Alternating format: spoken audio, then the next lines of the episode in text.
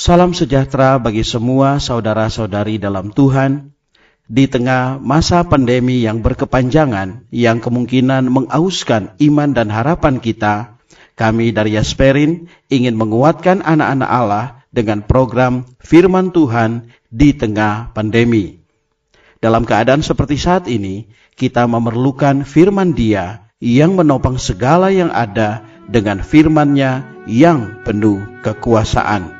Kasih karunia Tuhan Yesus menyertai kita semua.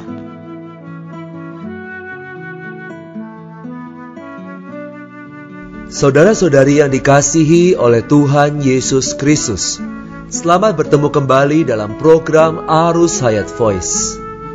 Dalam kesempatan ini saya akan menyampaikan firman Tuhan dengan judul Tanda Kedatangan Tuhan dan Tanda Kesudahan Dunia.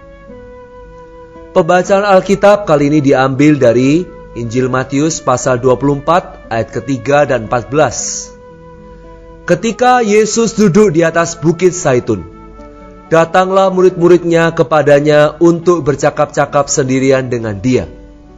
Kata mereka, katakanlah kepada kami, bila manakah itu akan terjadi? Dan apakah tanda kedatanganmu dan tanda kesudahan dunia? Injil kerajaan ini akan diberitakan di seluruh dunia, menjadi kesaksian bagi semua bangsa. Sesudah itu barulah tiba kesudahannya. Setelah Tuhan datang ke Bukit Saitun dan duduk di sana, murid-murid datang kepadanya secara pribadi, mendaki gunung yang tinggi dan masuk ke hadiratnya untuk bertanya kepadanya. Pertanyaan murid-murid menyangkut tiga hal. Hal pertama ialah kapan perkara-perkara ini akan terjadi. Ini mengacu kepada hal-hal yang ditulis dalam Matius pasal 23 ayat 32 sampai 39. Meliputi bagaimana orang-orang Yahudi yang dipenuhi oleh kejahatan nenek moyang mereka. Hukuman Allah menimpa mereka. Penganiayaan terhadap utusan Tuhan dan penghancuran bait Allah. Hal kedua ialah kapan tanda kedatangan Kristus. Hal ketiga ialah tanda kesudahan dunia, yaitu zaman ini.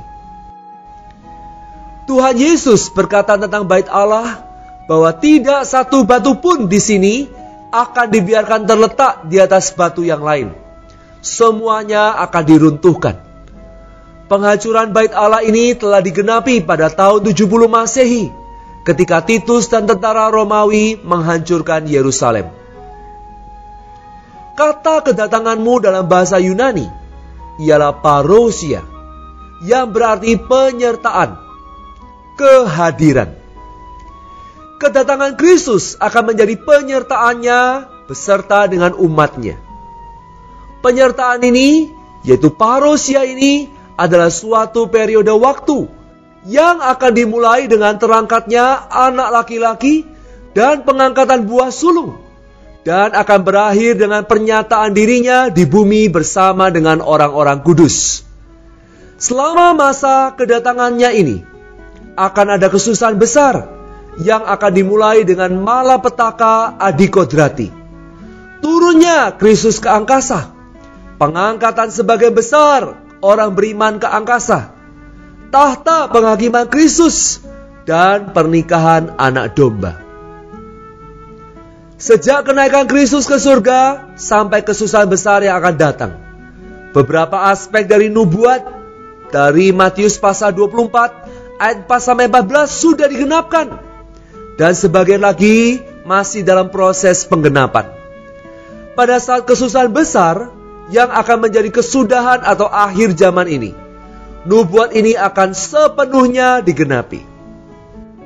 Dalam ayat 4 dan 5, Tuhan mengatakan bahwa banyak penyesat akan datang dalam nama Kristus dan menyesatkan banyak orang. Sejak Kristus naik ke surga, banyak orang datang menyatakan dirinya sebagai Kristus. Dalam ayat 6 sampai 7 Tuhan berkata bahwa akan terjadi perang, kelaparan, dan gempa bumi. Mulai dari abad pertama sampai abad ini, baik perang sipil maupun peperangan internasional terus-menerus silih berganti. Selain itu, timbul banyak bencana kelaparan dan kematian terutama akibat peperangan. Kemudian gempa bumi telah terjadi di sepanjang abad. Lebih banyak dan akan makin dahsyat pada akhir zaman ini daripada tahun-tahun sebelumnya. Dalam ayat 8, Tuhan Yesus berkata, terjemahan langsungnya, akan tetapi semuanya itu barulah permulaan penderitaan sakit bersalin menjelang zaman baru. Kata penderitaan di sini berarti penderitaan sakit bersalin, yaitu sakit pada waktu melahirkan anak. Dalam rencana perjanjian baru Allah, Allah memiliki kedambaan dan tujuan untuk melahirkan dan mendapatkan banyak putra Allah untuk menjadi ekspresinya. Karena itu, sakit bersalin di sini mengacu kepada semua kesusahan yang akan diterita oleh kaum beriman dalam zaman perjanjian baru karena diri Tuhan. Ini termasuk perang, kelaparan, gempa bumi, penderitaan, dan penganiayaan. Kesusahan ini bersama dengan pemberitaan Injil Kerajaan akan dipakai oleh Allah untuk menghasilkan banyak putra bagi dirinya sehingga Allah dapat membangun gerejanya dalam zaman ini, merampungkan kerajaan dalam zaman yang akan datang, dan akan menghasilkan Yerusalem baru dalam kekekalan. Bagi ekspresi kekalnya dalam kekekalan yang akan datang. Dalam ayat 9 sampai 11, murid-murid Tuhan dari bangsa Yahudi akan dianiaya dan dibenci oleh bangsa-bangsa. Banyak dari antara mereka akan murtad, saling menyerahkan dan saling membenci. Kemudian banyak nabi palsu akan muncul menyesatkan banyak orang. Kaum beriman Yahudi harus menderita aniaya dan setia sampai akhir. Mereka dipanggil untuk menderita sampai pada akhir zaman agar mereka diselamatkan dari penganiayaan ke dalam manifestasi kerajaan sebagai pahala mereka.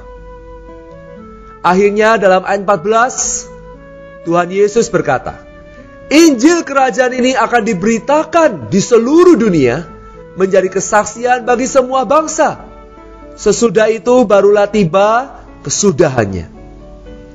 Injil anugerah menekankan pengampunan dosa, penebusan Allah dan hidup kekal.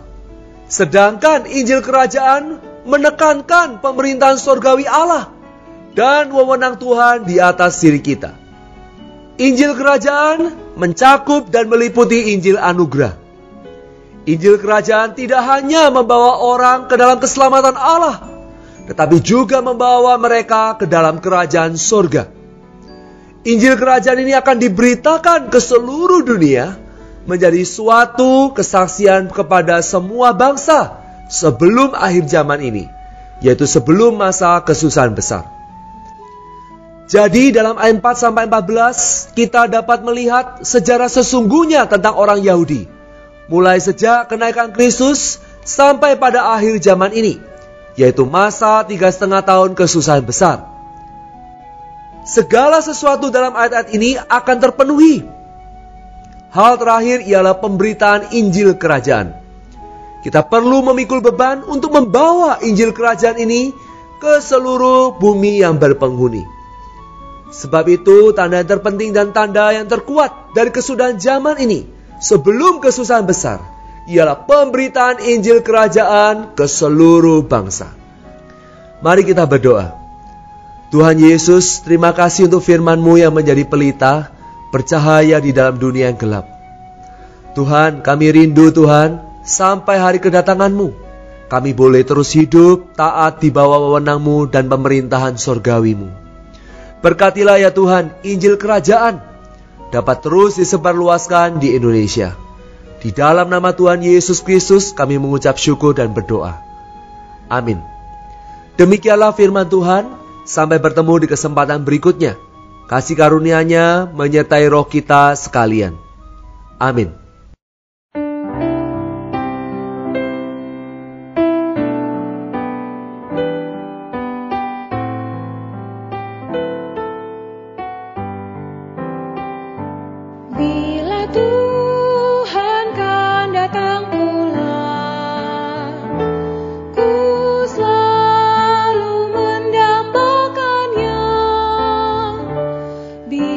cool.